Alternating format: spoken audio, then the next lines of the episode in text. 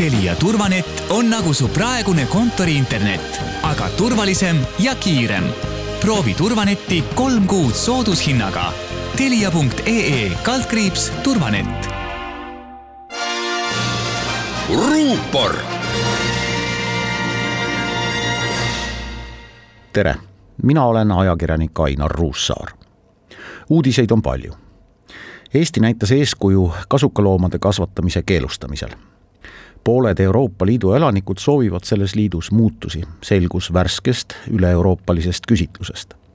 seda eelkõige kriiside kiirel ohjeldamisel ning tervishoiu taseme tõstmisel. puidutööstus ja lindude pesitsusrahu ei leia kuidagi kokkuleppe kohta. Eesti erakonnad otsivad esialgu oma tagatubades sobivat presidendikandidaati Iisraelis kogus opositsioon kokku vajalikud hääled, et tõugata võimult seal terve igaviku püsinud Benjamin Netanyahu ja nii edasi ja nii edasi. selles teadete laviinis jäi peaaegu tähelepanuta see, et Afganistani pealinnas Kabulis langetati vardast meie sinimustvalge lipp. see märk tähistab Eesti vägede peatset lahkumist sõdivast riigist Eesti on üks väheseid NATO riike Ameerika ja Suurbritannia kõrval, mis on järjepidevalt osalenud Afganistani sõjalistel operatsioonidel alates kahe tuhande kolmandast aastast. Kaheksateistkümne Afganistanis oldud aasta jooksul osales sealsetel missioonidel ligi kolm tuhat meie meest ja naist. üheksa meie sõdurit langes selles sõjas koos sisse, koos välja, ütles Eesti lipu langetamisel Kabulis meie kontingendi ülem, kolonel-leitnant Vladislav Belov paar kuud tagasi otsustasid Ameerika Ühendriigid oma väed Afganistanist septembriks välja viia. see tähendas lahkumise otsust ka kõigile partneritele. Lähemate nädalate jooksul alustavad oma teekonda koju kõik Afganistanis teenivad kaitseväelased. lisaks jalaväerühmale lõpetavad oma teenistuse selles riigis ka meie staabiohvitserid, sõjaväepolitseinikud ja meedikud.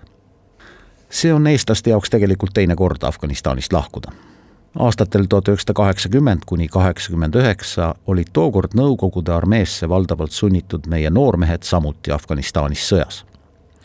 See sõda nõudis tookord kolmkümmend kuus Eestist sinna saadetud mehe elu. see sõda külvas hirmu. Kodikul Lasnamäel asunud niinimetatud Nõukogude noorsõdurite jaotuspunkti jõudnud mehehakatistel polnud aimugi, kuhu nad teenima saadetakse korrumpeerunud armee ülbed seersandid käisid ja pommisid sõdurihakatistelt raha välja. viie rubla eest said ennast jutumärkides muidugi Afganistanist vabaks osta. Tuhkagi. tegemist oli lihtsalt hirmunud ullikestelt kodust kaasa antud raha äravõtmisega. mis aga nüüd lõputult sõdivast Afganistanist edasi saab?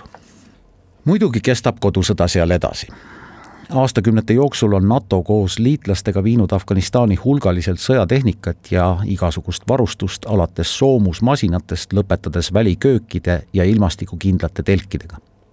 Mahajäetavad relvad monteeritakse muidugi kasutamiskõlbmatuks, aga muu träni jääb suures osas Afganistani. ilmselt lisandub kodusõjale ka omamoodi vennatapusõda need afgaanid, kes töötasid pikki aastaid koos NATO ja nende liitlaste vägedega, kardavad põhjusega oma elu pärast. ka oma sugulaste elude pärast, sest valitsusvastase Talibani jõud ei ole sugugi raugenud ja nende idamaine kättemaks võib olla julm. see hirm ei ole asjatu. Viimase kahekümne aasta jooksul on Taliban tapnud ja piinanud näiteks kümneid afgaani tõlke inimesed on olulised ja Afganistanis taanduvad liitlased, meie nende hulgas, peaksime vähemalt arutama, kuidas me saame aidata meiega koostööd teinud ja meid aidanud afgaane. kas neile meie turvalises riigis elamisloa andmine on üks võimalus? Inglismaa on seda praktikat rakendanud. kõige olulisem on lootus. Lootus, et Afganistan siiski saavutab mingisugusegi sisemise stabiilsuse ja lootus, et me ei peaks oma liitlaskohustust täites sinna enam kunagi vormis kaitseväelasi saatma. lootus, et ei tuleks kolmandat korda ja sellele järgnevat kolmandat lahkumist. ruupor